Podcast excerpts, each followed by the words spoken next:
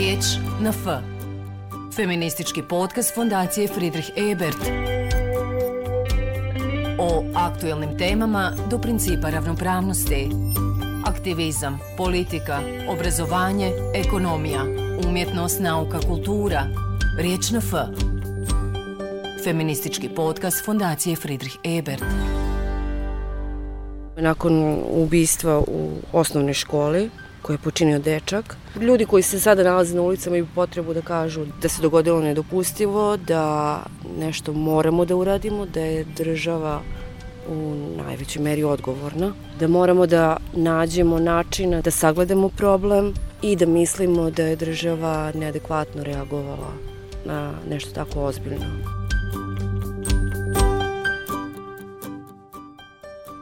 Ovo izdanje feminističkog podcasta Reč na F vodi nas u Beograd. Kroz razgovor i glas Jasni Dimitrijević. Jasna piše kratke priče i recenzije. Autorka je dvije zbirke prozne, prepoznavanje i Fibonaccijev niz. Radi u izdavaštvu i knjižari u ulici Cara Dušana 68. Okružena se knjigama. Nosiš ih u sebi, pišeš, prevodiš. Šta je knjiga za tebe? Kada je ljekovita, a da li je ponekad i teret? Pa šta znam, lekovita da, češće nego, češće nego teret, ali čitanje je onako toliko uključeno u moj život da jednostavno ne znam, ne znam da ga posmatram izdvojeno od običnog života. Da, važno mi je čitanje, važno mi je razumevanje, ok sam s tim da neka knjiga nekad nije za mene, a, što zbog trenutka, što uopšte zbog mog senzibiliteta i senzibiliteta tog teksta. Pa makar to bio i klasik, makar to bio bila i knjiga koja je preporučivana sa svih strana, ok sam s tim da, da napustim tekst koji mi nije potaman. Da, volila bih da imam, volila bih da imam više vremena za čitanje. I kad bih mogla da biram da li da čitam ili da pišem, pre bih čitala samo. Ali ti pišeš? A, da, ne redovno, ne intenzivno. Svakako sam pre čitateljka nego spisateljica.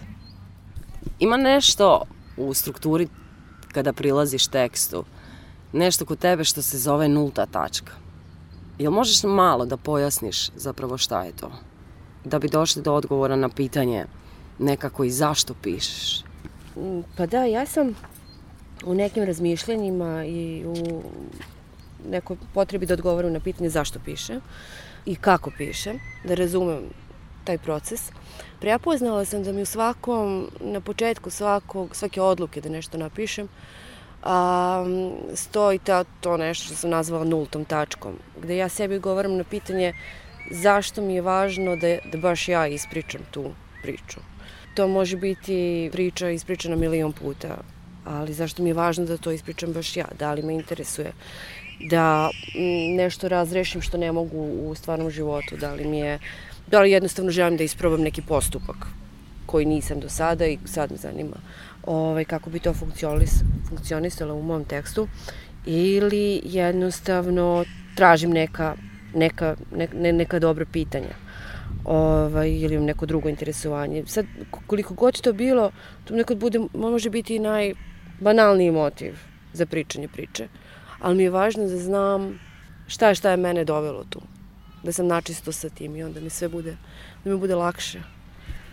A, književna teorija bi rekla da su tvoje priče angažovane priče, odnosno da daješ glas onima koji bi da govore, ali nemaju kome. Tu su glasovi, pišeš recimo u Fibonaccijevom nizu, o G muškarcu koji ne može da izađe iz ormara, o patuljku koji ulazi u površne veze preko Tindera. Zašto je potrebno da damo glas ljudima? To bi rekli ljudima sa margine, ali da li, da, da li je to ispravno rečeno? Znaš kako, nije to meni bilo primarno to da ispričam njihovu priču, jer ja to baš i ne mogu, ja samo ulazim u tuđe cipele. Ali mislim da se ulaskom u neke marginalizovane pozicije, problemi koje zapravo svi mi imamo nekako jasnije vide.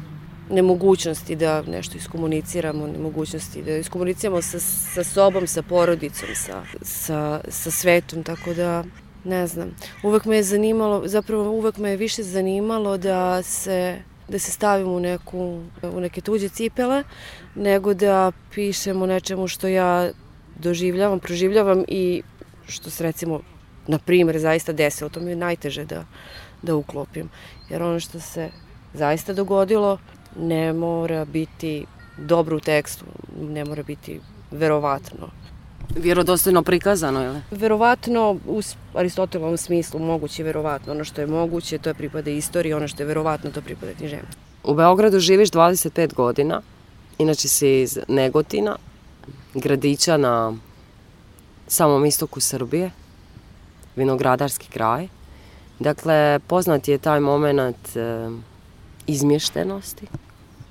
Kako si tu već 25 godina, zanima me e, da li osjećaš danas Beograd svojim domom i kako ti generalno doživljavaš kada je čovjek kući i zašto nam je to potrebno, to osjećanje. Čovjek je kući kada se osjeća da je na bezbednom i to ne mora biti mesto, naravno. To može biti i društvo. Da, Beograd osjećam svojim domom u nedostatku boljeg i ne znam, mislim da ga u najvećoj meri osjećam domom zato što o, osjećam potrebu, motivaciju da se u Beogradu gradim, da nastavim, da, da, da probam da se uklopim. Beograd e, danas živi, evo i u Sarajevu, s jednom energijom i jednim pogledom i jednom asocijacijom koja odmah vuče na osnovnu školu Vladislav Ribnikar ili koja vuče na proteste koji se danas zovu Srbija protiv nasilja. Bila si na protestima? Da, to je bilo, mislim, ti protesti su bili neophodni, zato što posle te velike traume nakon ubistva u osnovnoj školi, koje je počinio dečak, jednostavno smo mi svi bili ljudi koji se sada nalaze na ulicama imaju potrebu da kažu da da se dogodilo nedopustivo, da nešto moramo da uradimo, da je država u najvećoj meri odgovorna, da moramo da nađemo načina da se da, da sagledamo problem i da mislimo da je država neadekvatno reagovala na nešto tako ozbiljno kao što je ubistvo u osnovnoj školi. Upotrebit ću tvoje riječi u razgovoru prije ovoga. Dječak od 13 godina uđe i krene da ubija. Nešto smo opasno pogrešno napravili. Koliko i danas ima dječaka uplašenih, ali nemaju oružje? Pa da, znaš, ovo jednostavno ja, ja izbegavam da uh, govorim o ovome ja, zapravo jako oprezno izgovaram ovo sada sa tobom, zato što mislim da je mislim svi znamo koliko je to ozbiljna tema i koliko svako iskliznuće može biti neodgovorno. Nemam je mnogo pameti. Ovaj, nemam je mnogo pameti posle toga i mislim dobro je što tako mislim.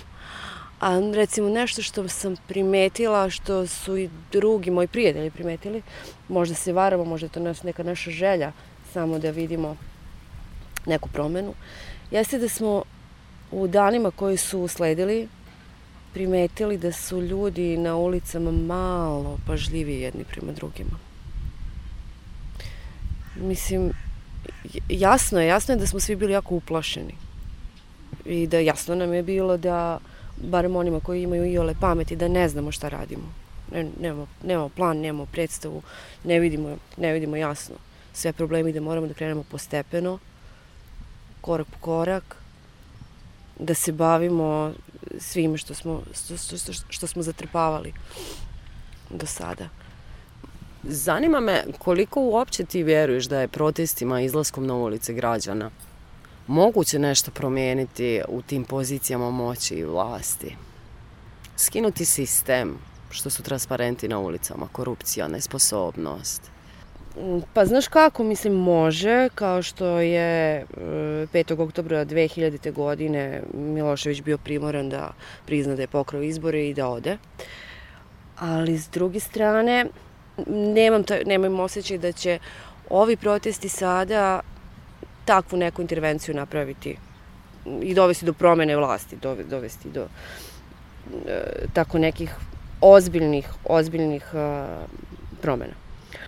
Ono što, što je tu važno jeste da postoji, postoji kritična masa koja je spremna da, da pokuša da artikuliše nezadovoljstvo na taj način.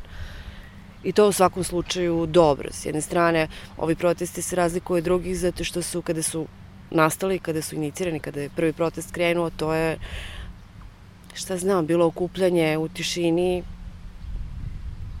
bez galame, bez čitavog tog karnevalskog ovaj, a, aranžmana kako, koji, koji obično prati proteste. Onako, kroz humor iz, iz, iskazati nezadovoljstvo. Ovo je bio sasvim drugačiji povod. Ovo je v, na temeljima nečeg užasnog. Ali su se kasnije tom talasu priključili i drugi zahtevi, i formirali neki drugi zahtevi. I, tako da je sada ovi protesti koji će verovatno biti svake sedmice razlikuju se od tog, od tog prvog. Nadam se, nadam se da ćemo ne znam, dobiti nešto. Ono što sada primećujem jeste da je, da je vlast počela da potkupljuje malo intenzivnije ljude, da opet deli novac. Oh, to je. Organizovali su, mislim, vlast je organizovala kontraproteste. Da, da, to je zapravo miting. Vučić organizovao sebi, dovozio ljude iz cele Srbije i tako, to je bilo užasno. Ali ono što je sada usledilo, to, neke mere od pre nekoliko dana, kao opet će roditelji dece do 16 godina m, dobijeti 10.000 dinara, to bi bilo recimo nešto 80 eura po detetu, kao neka, neki vid podrške subvencije, šta znam. I ovaj, tako da, eto, ta potkupljivanja su baš karakteristična za poslednje godine Vučićeve vladavine. To smo imali i za vreme korone, imali smo za stare, imali smo za mlade, više ni, ni ne pamtim. Ali kao to je neka, neka prva reakcija umesto da se bave nekim uh, dubinskim rešavanjem problema koji izaziva nezadovoljstvo, oni opet pokušavaju da saniraju nezadovoljstvo. Jasni su zahtjevi s ovih protesta.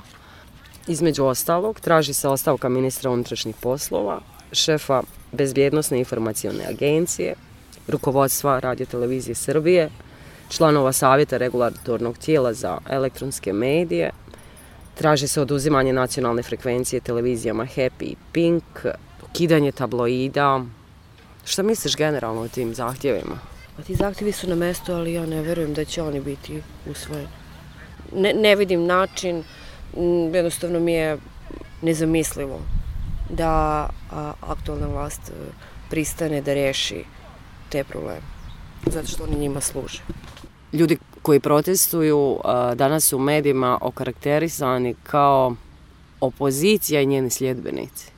Kao da se tragedija zapravo poprima ili pokušava zloupotrebiti.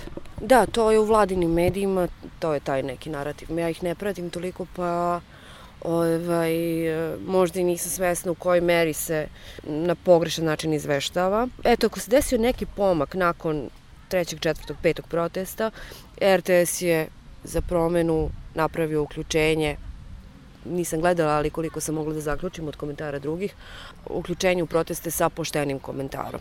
Koliko, koliko toga treba da se desi da bi, da bi se RTS uključio, ovaj, uključio kamere, snimio što se dešava ispred zgrade na tri minuta jedna asocijacija koja me veže, a mislim da dosta ljudi u Bosni i Hercegovini nije upoznata s tom činjenicom, koliko ljudi u Srbiji nije imalo mogućnost recimo da zna šta se dešavalo u posljednjem ratu u Bosni i Hercegovini zbog te masovne medijske blokade koja je postojala.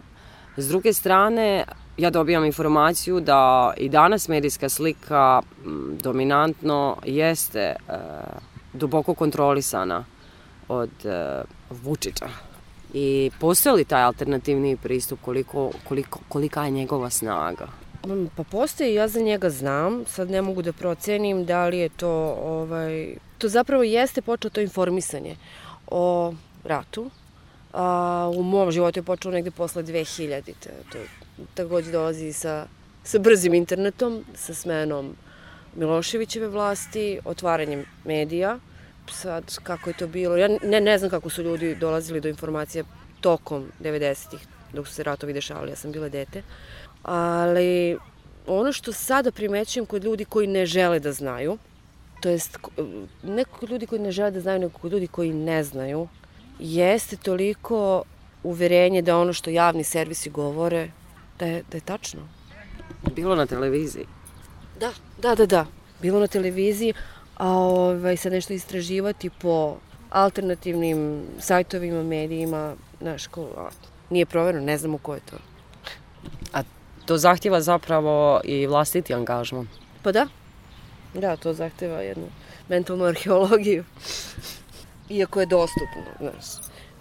Postoji jedna rečenica do koje smo zajedno došli iz jedne knjige Fizika tuge Georgije Gospodinova, koja kaže na početku svega postoji jedno dijete bačeno u podrum. Nakon masovnih ubistava u kojima je stradalo i devetero djece, zašto moramo imati, da li trebamo, da li bi trebali, ukoliko istinski želimo da se pozabavimo ovim na odgovoran način?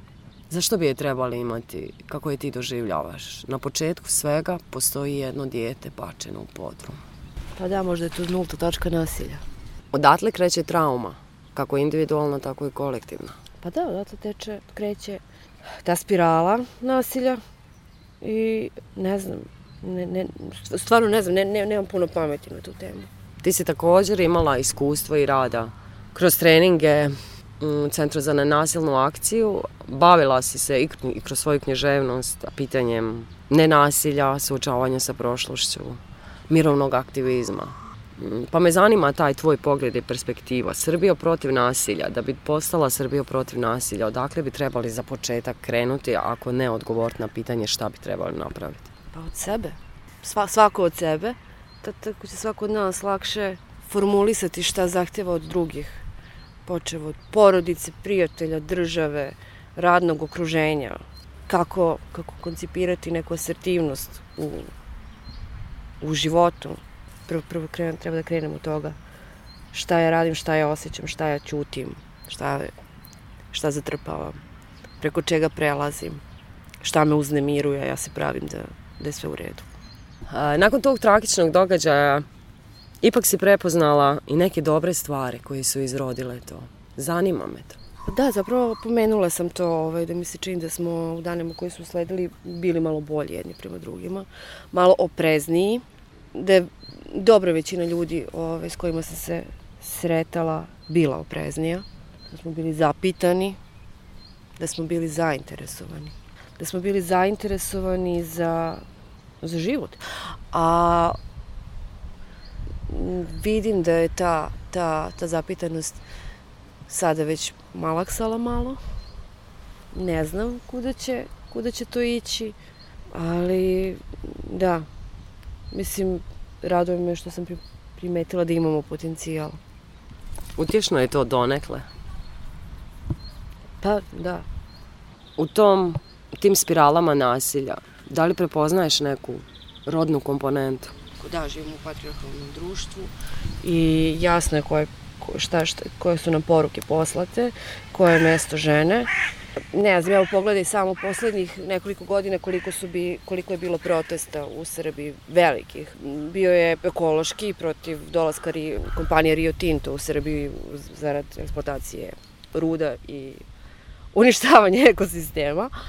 Ove, gde su se priključili i, i, i raz, priključili razne druge organizacije koje nemaju veze sa, sa, sa pokretom zelenih, na primjer i ovaj sada protest i razne druge proteste gde su se jednostavno ljudi solidarisali i dolazili iz različitih pozicija da podrže. Ali recimo nisam primetila da je taj, takva neka inicijativa postojala prošle godine kada se u Beogradu odigrala takozvana ženska revolucija kada su nakon intervjua sa, sa čovekom koji je počinio silovanje, koji taj intervju je emitovan na internetu, kada su se žene pobunile i tražile da se prestane sa tim takvim praksama, mislim da su ostale samo ženi, ženske organizacije na ulicama. I pojedinci. Da, zapravo da nije bilo organizovano jako, moćno, kao što je u nekim drugim protestima. Možda se to samo meni čini, možda je neka moja percepcija, ali primetno je da svakako podrška nije bila tolika kao pod nekim drugim pitanjima. Evo, možda ti je to odgovor na, na pitanje. Proširit ću ga samo još kratko.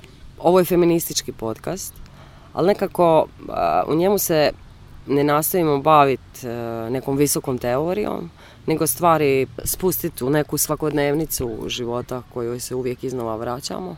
Pa me zanima gdje ti prepoznaješ te neke feminističke borbe ili potencijal. Šta je to što te iz tog konteksta ono nekako najviše boli? Pa, ja ću ti navesti samo jedan primjer. Eto, kao, kao, to nešto se desilo prošle godine i recimo postojala inicijativa da se napravi jedna zbirka ženske proze iz Srbije i Crne Gore i da se prevede na engleski, objavi u Londonu, ok, dobili smo poziv prevodioca i predlog za naziv zbirke, predlog, u mailu piše predlog, kasnije ćemo shvatiti da je to bio zacrtan naslov. Trebalo je da se zbirka zove Balkan Bombshells jer su izdavač i urednica i prevodilac misli da je baš zgodno da prodaju prozu koju pišu žene iz Srbije i Crne Gore sa tim etiketom, sa, to, sa tim etiketama, evo malo sa Balkana. Že, ženske proze gde su žene, tu su i dobre ribe, ako smem da kažem, baš uzdržavam, da, da ne kažem nešto drugačije. I eto, kao ti sad radiš, živiš neki svoj život, vi primetiš da ti nešto, da to nije u redu, koji kažeš ja neću sa tom sa tim stereotipima. Neću nigde, neću pod tim etiketama. Pokušaš da to iskomuniciraš, da rešiš, ne dobiješ nikakvo razumevanje s druge strane. E, ovaj, onda, se, onda jednostavno povučeš tekstove. E, pa nas desetak je, možda ću pogrešiti ovaj, u, u cifri, nas desetak je povuklo svoje tekstove, zbirka je ostala. Sa naslovnicom? Sa naslovnicom gde je neka bomba sa figurom žene si jednostavno glup. Primetiš nešto glupo i kažeš ja neću da učestvujem. Obavestiš druge. Odlične tekstove su pisale, pisale Rumena Bužarovska, koja nije u antologiji, a, i, i Marija Ratković, koja je bila pozvana da, da učestvuje, ali je povukla tekst. Tako da, eto, tvoji slušalci mogu da, da pronađu te linkove. Da li je pogrešno ako kažem žensko pismo u književnosti? Šta je problematično u tome? Književnost koju pišu žene. Pa ne znam što je problematično. Ja, čini mi se, prvi problem mi je da ja ne razumem mislim, nisam sigurna da svi koji pričamo, koji uopšte ulazimo u razgovor o ženskom pismu, na isti način razumemo taj termin. Tako da je to meni ovako jedna velika šuma buke. Da, mislim da žensko pismo, ja kad govorim o ženskom pismu, govorim o literaturi koja je ispričana iz ženske pozicije, iz ženskih principa. Ne mora nužno to biti žena. Žen, ne mora nužno žena biti autorka, o, ali obično jeste. Takođe postoje žene koje posežu za muškim narativima, muškim m, principima i onda pak njih ne bih nazivala autorkama ženskog pisma zato što jednostavno tu ne pripadaju. Ali mogu da kažem da ono, kad pomislim na taj termin, ono, to mi nekakva glavobolja, nisam sigurna da da, da ga pažljivo koristimo i da se mnogo, mnogo gubimo u tim pričama. Možda posljednje pitanje neko. Mi svi možda nakon 3. maja i osnovne škole Vladislav Ribnikar. Na što bi trebali obratiti malo više pozornosti, iako si prekrasno rekla da krenemo od sebe. Možemo li biti bolji jedni prema drugima? Možemo svakako. Mm, sad ne, ne mogu da ti dam neko, neko univerzalno mišljenje kao šta bi trebalo. Mislim da i to svako za sebe mora da pronađe šta osobi pomaže da bi bila bolja. Šta je osobi potrebno da bi bila bolja. Možda to da se pitamo. Riječ na F. Feministički podcast Fondacije Friedrich Ebert. Uz ironiju poigravamo se stereotipima s kojima se patrijarhat obračunava sa feminizmom, želeći da mu oduzme političku relevantnost. Riječ na F. Feministički podcast Fondacije Friedrich Ebert.